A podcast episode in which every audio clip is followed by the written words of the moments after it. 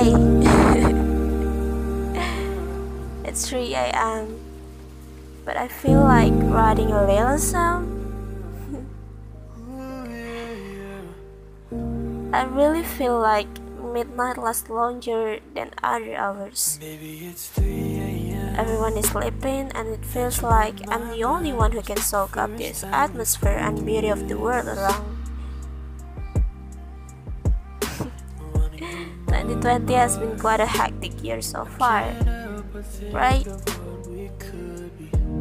At this time, many of us are feeling overwhelmed, confused, and lost. But that's okay. If you feel you're alone but not lonely, and it's like your own personal packet away from reality, that's okay. Just remember, despite the hardship that are going on in your life right now, it's all temporary. And in the end, it will all work out. So, take this time to reflect and believe things that never happened. Take this time now to relax or do something you love.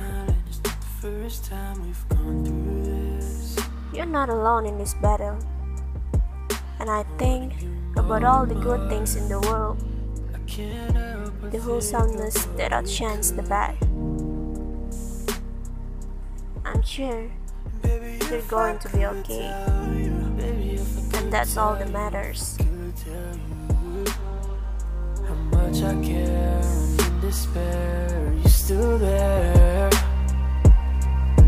Just tell, me, just tell me how we can make this work.